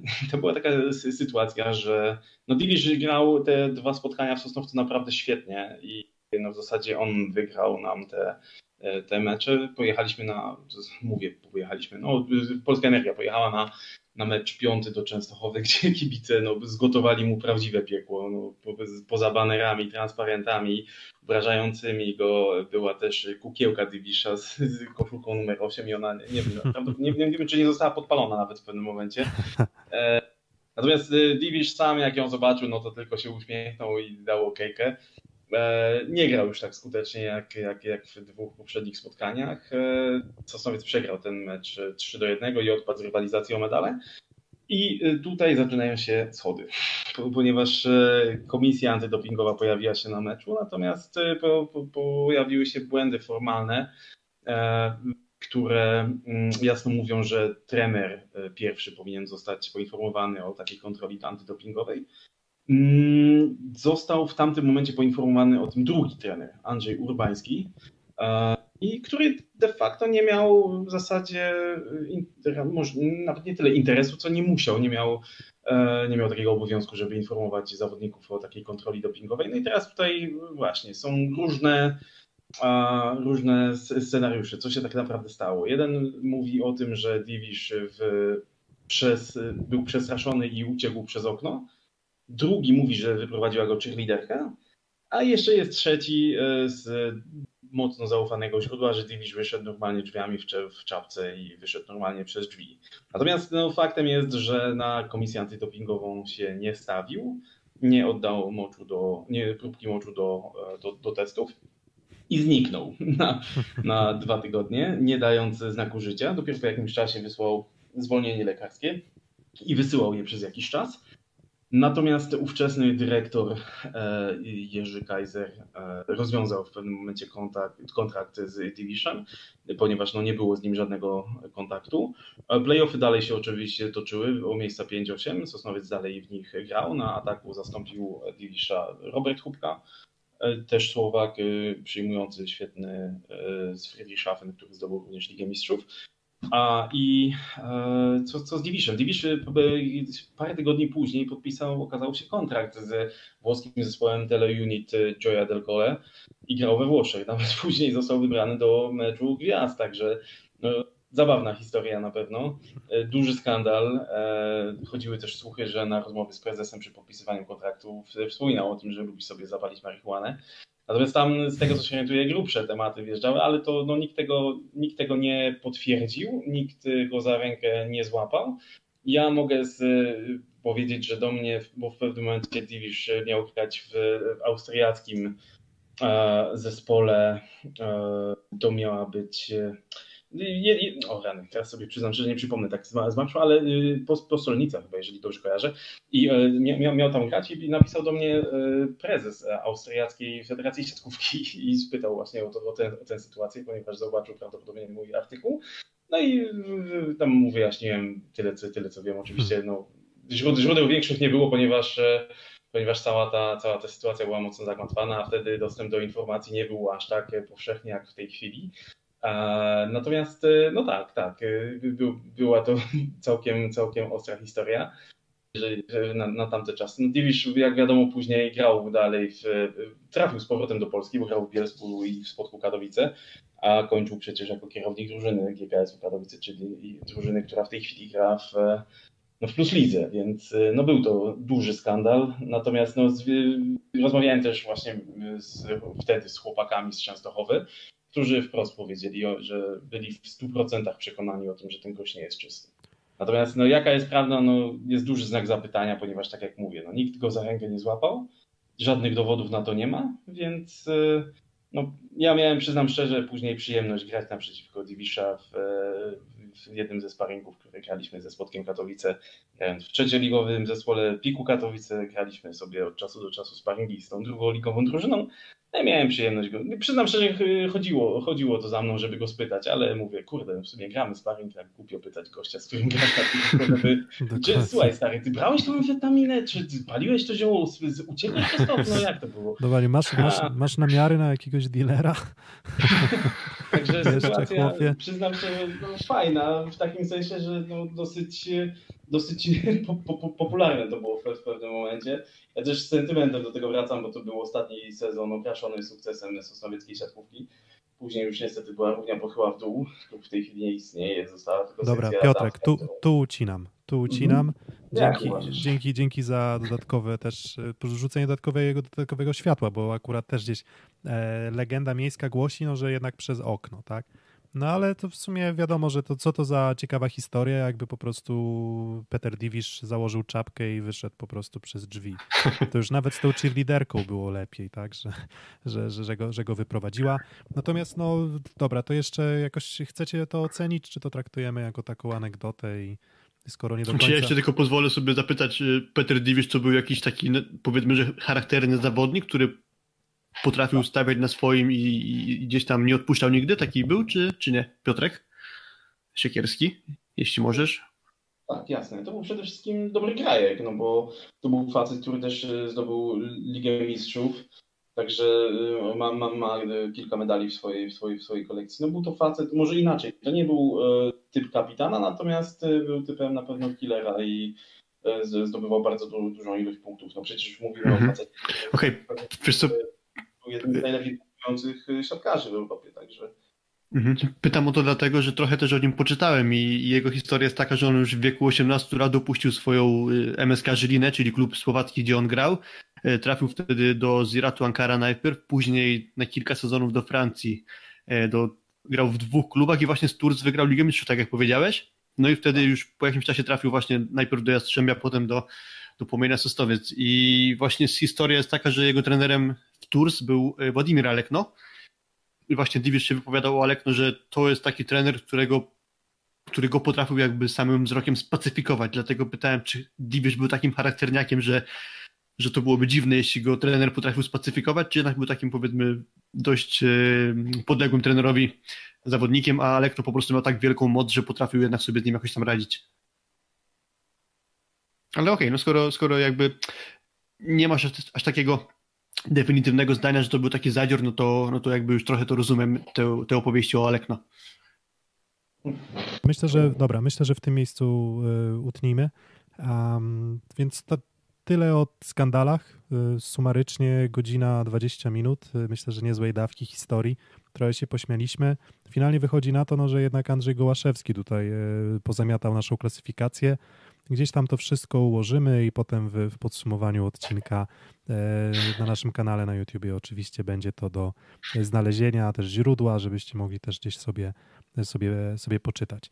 Natomiast no, mhm, rozmawiamy, już, rozmawiamy już całkiem sporo, tak naprawdę jak przygotowywaliśmy się do tego odcinka, to myślę, że spokojnie moglibyśmy z 40 historii takich przytoczyć jeszcze, ale to już... Tak, dokładnie, dokładnie. Nie na miarę podcastu. Tak, znaczy albo, albo może kolejny odcinek gdzieś kiedyś, może, może, może dobrze byłoby zaprosić e, Kuba Bednaruka, bo on sam się śmiał na naszym Twitterze, że, e, że, że, że jest częstym elementem tych historii i tak się zaczął zastanawiać, czy może to, to, to on jest tym elementem, który, mm, który najmocniej... Punktem wspólnym. Punktem wspólnym wielu z tych historii. E, no ale dobra, tutaj stawiamy kropkę, jeśli chodzi o skandale, no i teraz możemy jeszcze przejść do mm, omówienia wydarzeń ostatniego tygodnia w Plus Lidze. Mm, spotkań, które rozegrane zostały od naszego ostatniego nagrania. Raz, dwa, trzy, cztery, pięć, sześć. Jastrzębski Węgiel 3 do 1 z Ceradem Eneo Czarnymi Radą. Trefl Gdańsk 3 do 0 ze Ślepskiem Malow Suwałki. W poprzednim odcinku zastanawialiśmy się nad tym, mm, która drużyna ma wyższy potencjał, która drużyna mm, w tym bezpośrednim starciu może okazać się lepsza. No i postawiliśmy na Trefla Gdańsk. Natomiast e, nawet tych naszych typach przed, przed kolejką było tak, że mm, jedni stawiali na zwycięstwo łatwiejsze, jedni na nieco trudniejsze. Ja stawiałem na trudniejsze, no ale Tref Gdańsk dość pewnie 3 e, do 0. Ślepsk Malow Suwałki ograł w zasadzie tylko jeden set, był tutaj trudny. Indyk Pola ZS Olsztyn przegrywa 0 do 3 z Kuprum Lubin po powrocie z, e, z kwarantanny. Pierwszy mecz i, i Lubin wreszcie ma pierwsze zwycięstwo. E, w, do tabeli plusligowej. Werwa Warszawa, Orlen Paliwa 0-3, Aluron CMC Warta Zawiercie. W Zawiercie wróciło również po przerwie z tytułu COVID-u, ale ta przerwa nie odbiła się jakoś specjalnie mocno na poziomie ich gry, bo poziom gry bardzo wysoki dalej. Stalnysa 2-3 MKS Będzin, no i jeden z tych spotkań, jedno z tych spotkań zaległych, MKS Będzin 0-3 u siebie przegrywa ze Ślepskiem Malow Suwałki. Mm, który mecz uważacie, że najwięcej takiej wartości za sobą niósł? Stalny SMKS Będzin 2 do 3 może? Ja uważam, że właśnie ten mecz Nysy z Będzinem miał taki najcięższy e, wymiar, tak można powiedzieć, no bo to taka trochę choćby z kształtu tabeli wynika, że to była bezpośrednia walka o utrzymanie. Znaczy walka, która jeszcze się oczywiście nie zakończyła, ale te mecze na pewno będą miały duży wpływ. Akurat dobrze chyba Będzinianie trafili, bo wygrali dwa mecze wcześniej bardzo ważny mecz z Lubinem, teraz z Nysą, chociaż historia tego meczu momentami aż nieprawdopodobna była i trudno było wierzyć, że Stalnysa jest w stanie to spotkanie przegrać, bo tam było już bardzo blisko tego, żeby było 3 do 1, potem też było blisko wygrania tej breka. No a jednak y, pomieszał Kuba Bednarów tak, zwycięsko po pięciu setach jednak y, wyszli z tego starcia Będzinianie, dlatego tu mi się wydaje, że ten mecz był taki z tych najważniejszych. Jak chciałem też poruszyć temat meczu Olsztyna z Lubinem.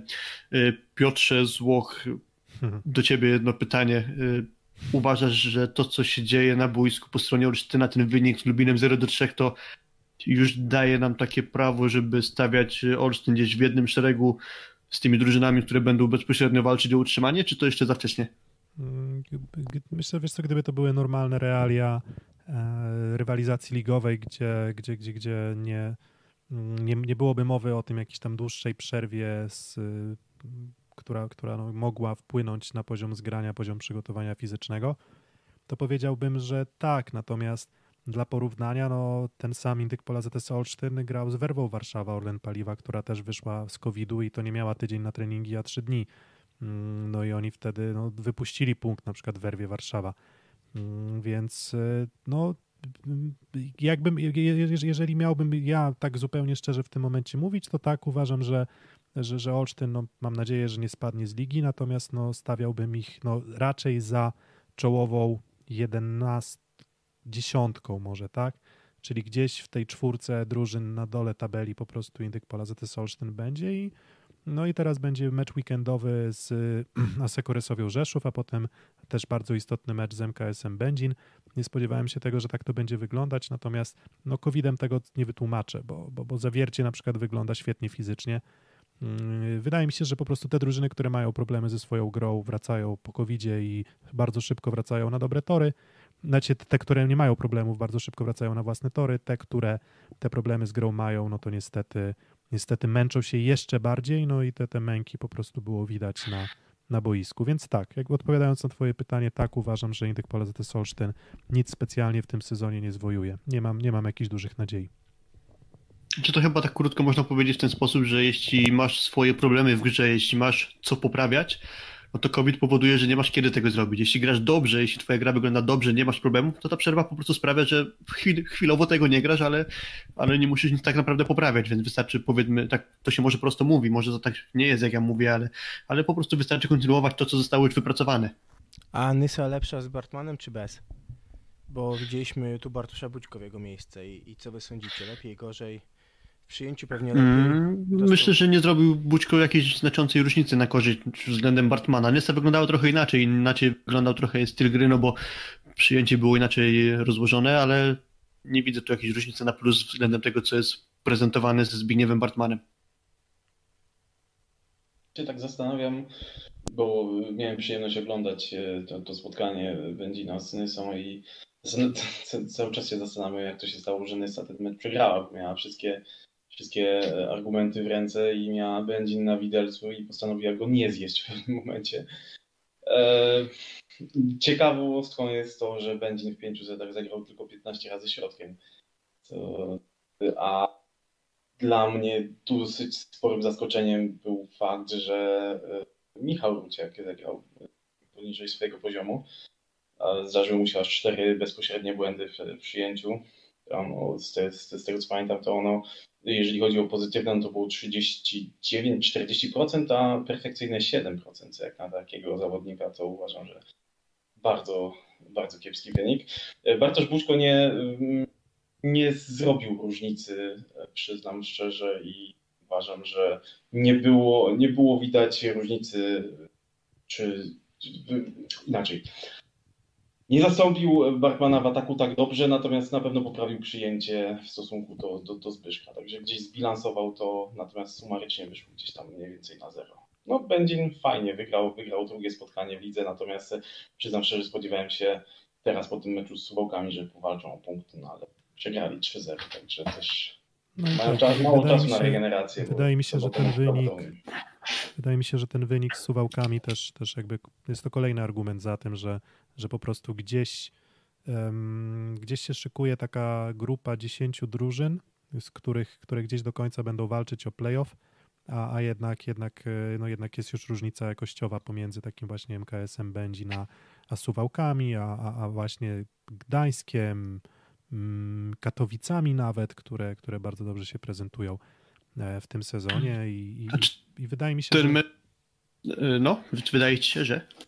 No już mnie wybiłeś z rytmu, jak już tak wcinasz, to mów Okej, okay. znaczy chciałem tylko powiedzieć, że ten mecz będzie nas Suwałkami odbył się dwa dni później niż ten tiebreak właśnie z Nysą i taki zawodnik jak Ademar, któremu to spotkanie z Suwałkami kompletnie nie wyszło, jako ten bazujący trochę na fizyce, tak uważam, no bo jednak to, co, to, co przeważa u niego na korzyść ofensywy, to jest to, że on bardzo wysoko łapie piłkę, no to mógł po prostu być zmęczony i to, że on skończył na ujemnej efektywności, no to, to może na kar po prostu zmęczenia można zrzucić i nawet mimo, że tam było 0 do 3, no to faktycznie optycznie znacznie lepszym zespołem wydawały się Suwałki, ale koniec końców tam jakiejś dużej różnicy punktowej w poszczególnych setach nie było. Tam długo się gra toczyła niemalże punkt za punkt, ale tam raptem kilka breaków przesądzało o tym, że Suwałki wygrała. To były tylko te dwa dni różnicy, więc może gdyby Będzin bardziej wypoczęty przystąpił, to może aż tak optycznie na korzyść Suwałk by to nie wyglądało, no ale faktycznie na razie tam tabela tak wygląda, że ta trójka zespołów, które typowaliśmy gdzieś na początku sezonu, rzeczywiście znajduje się tam, gdzie, gdzie nam się wydawało. No i, i bonusowo indyk pola ZS Olsztyn jeszcze. No i bonusowo jeszcze Olsztyn na miejscu na razie aktualnie 11, chociaż ta tabela to jest taka e, no, nie ma co komentować, sami wiecie jaka poszarpana, poszatkowana i tak dalej. Nawiasem tylko wspomnę jeszcze do komentarza. No, Rafał Tomkowiak napisał, że nagadaliśmy się o tych skandalach, a o Gabrychu nie powiedzieliśmy ani jednego słowa. No tak. No, a, a Piotr Gabrych, no to faktycznie taka postać, która jest tam znana z różnego rodzaju skandali. Mi się tak na szybko jedna sytuacja przypomina z Aten 2004, Igrzyska Olimpijskie i brak zgody dla kadry siatkarzy na udział w ceremonii otwarcia, a Piotr Gabrych wymyka się z hotelu i ku zaskoczeniu siatkarzy oglądających ceremonię w telewizji jednak pojawił się im na ekranie. Gdzie jest Woli? No. Taka, taka to właśnie pierwsza, pierwsze skojarzenie właśnie z Piotrem Gabrychem to Igrzyska Olimpijskie w Atenach. Gabrychu to można by osobny podcast, myślę, zrobić. No właśnie, właśnie. I to może wiesz, mówię, z samym zainteresowanym byłoby ciekawie, albo w roli takiej debaty. Piotr Gabrych versus jego trenerzy. Swoją drogą on był w Rzeszowie, w Rysowi chyba jeden sezon i nie pamiętam, żeby z nim jakiś skandal wybuchł. Może to już w tych takich późniejszych jego trochę latach y, kariery, no to może trochę spokorniało. Nie wiem, albo, albo o czymś nie wiem po prostu. Tak, um, tak. o meczu, jeszcze o meczu Stalny MKS Będzin. Um, tak, trochę też y, pozmieniało to w taktyce zagrywki y, rywali Stalinysa bo do tej pory sytuacja była jasna. Obstrzeliwujemy zagrywką Zbigniewa Bartmana. On radzi sobie z tym tak sobie, albo radzi sobie nieźle, ale potem na przykład odbija się to na problemie ze skutecznością. No tutaj jednak ta, ta dystrybucja przyjęć zdecydowanie się zmieniła, no bo w zasadzie bardzo równo to wyglądało, bo i Ruciak, i Bućko, e, i Łaprzyński przyjmowali, mm, przyjmowali mniej więcej porówno, tak? I czy to wyglądało dużo lepiej wizualnie akurat w takim zestawieniu? Tego nie wiem. E, te, tego, tego po prostu nie wiem. E, to też a propos jeszcze Michała Ruciaka, to o czym wspominałeś Piotrek, że wszyscy mówią, że Michał Ruciak to, to gdzieś tam przez pryzmat jego mm, jego gdzieś tam historycznie świetnego przyjęcia oceniają, no a to jest zawodnik też, który się starzeje i moim zdaniem już na jego grze ten ząb czasu powoli się odbija po prostu i widać to też w, mm, w tym, że, że on już nie jest taką skałą nie do złamania w, mm, w przyjęciu.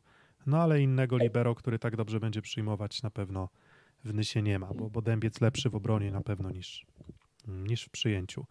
Statystyki zeszłego sezonu mówią jednak coś innego. Mocno w czubie przyjęcia przecież. Czwarte mm. wyniki miał, jeżeli to przykład. No oczywiście, no ale to wiesz, to w, w, w zeszłym sezonie miał Protopsaltisa obok siebie, który w zasadzie też przyjmował świetnie. Więc wiesz, więc w zasadzie można mówić, że no trochę po prostu trudniej jest mu przyjmować, nie, nie ma co do tego wątpliwości w zestawieniu właśnie takim, a nie innym w Nysie. No ale ja po prostu widzę, że moim zdaniem to już nie jest e, pewniak na, na, na libero, tak? Że, że, że ciągle jeszcze nazwisko mocne, ale, ale, ale gra już po prostu i nogi e, nie stykają. Mm, no dobra, no to nie wiem, czy, czy, czy wydaje mi się, że w tym momencie możemy zakończyć też całą transmisję, bo, bo półtorej godziny za nami. Mm, bardzo niewiele jest o, bardzo niewiele jest o tym, tej ostatniej kolejce Plus Ligi.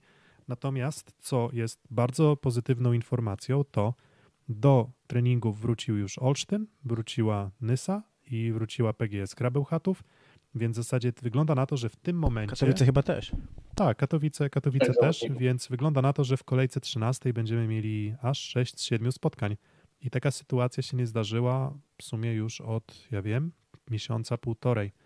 W zasadzie jak już zaczął się ten, ta fala covidowej zawieruchy w Plus no to spotkań przełożonych zostało z tego co liczyłem, to gdzieś tam było tak, że powinna zostać e, około 90 spotkań rozegrane, zostało rozegrane gdzieś tam bliżej 40, więc prawie ponad połowa, mm, prawie połowa, ponad połowa wszystkich spotkań do rozegrania zostało przełożonych. No i teraz obawiam się, że te drużyny, które mają swoje problemy, po prostu będą miały teraz niewiele czasu na to, żeby nadrabiać te zaległości, gdzieś tam polerować swoją grę, a w zasadzie o polerowaniu mogą mówić te drużyny, które już grają dobrze, a wszystkie te, które się męczą, prawdopodobnie będą się przez jakiś czas męczyć dalej. A myślę, że w przeciągu następnego miesiąca no, ten nawał spotkań może dawać w kość wszystkim bez wyjątku. Um, no więc cóż, zdrowia chyba e, dla zawodników a kibicom cierpliwości i wytrzymałości, bo ta dawka spotkań w następnym miesiącu może być bardzo intensywna, no a my będziemy starali się na bieżąco opisywać Wam to, co się dzieje na parkietach Plus Ligi. Więc Jeszcze z kronikarskiego obowiązku, a propos dobrych informacji, to Jastrzębski Węgiel w końcu zakończył batalię o Ligę Mistrzów gładko w trzech setach, ogrywając Arkadę Galati, więc będziemy mieli cztery zespoły w Lidze Mistrzów, o ile ona w ogóle się odbędzie. Dokładnie. Epopeja mm, z Jastrzębskim Węglem i ich kwalifikacjami do Ligi Mistrzów wreszcie zakończona. Natomiast jak obserwuję, jak wyglądają puchary niższej rangi w tym roku, to, to, to wygląda to dość e, kuriozalnie, bo walkowery rozstrzygają jak na razie zdecydowaną większość spotkań.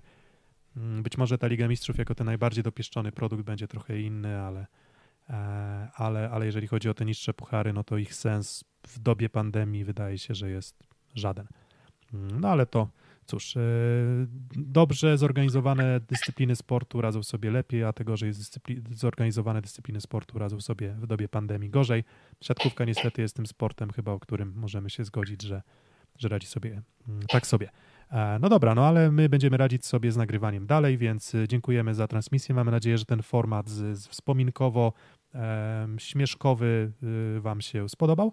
Mm, My mamy nadzieję, że dla przynajmniej części z Was te, te, te historie przywołane były czymś nowym. Ja się bawiłem dobrze i dziękuję za uwagę, Piotr Złoch. Kuba Lewandowski? Filip Kurfanty i Piotr Siekierski, dzięki za goszczenie u nas. Dziękuję uprzejmie. Dzięki za, dzięki za dołączenie i do usłyszenia.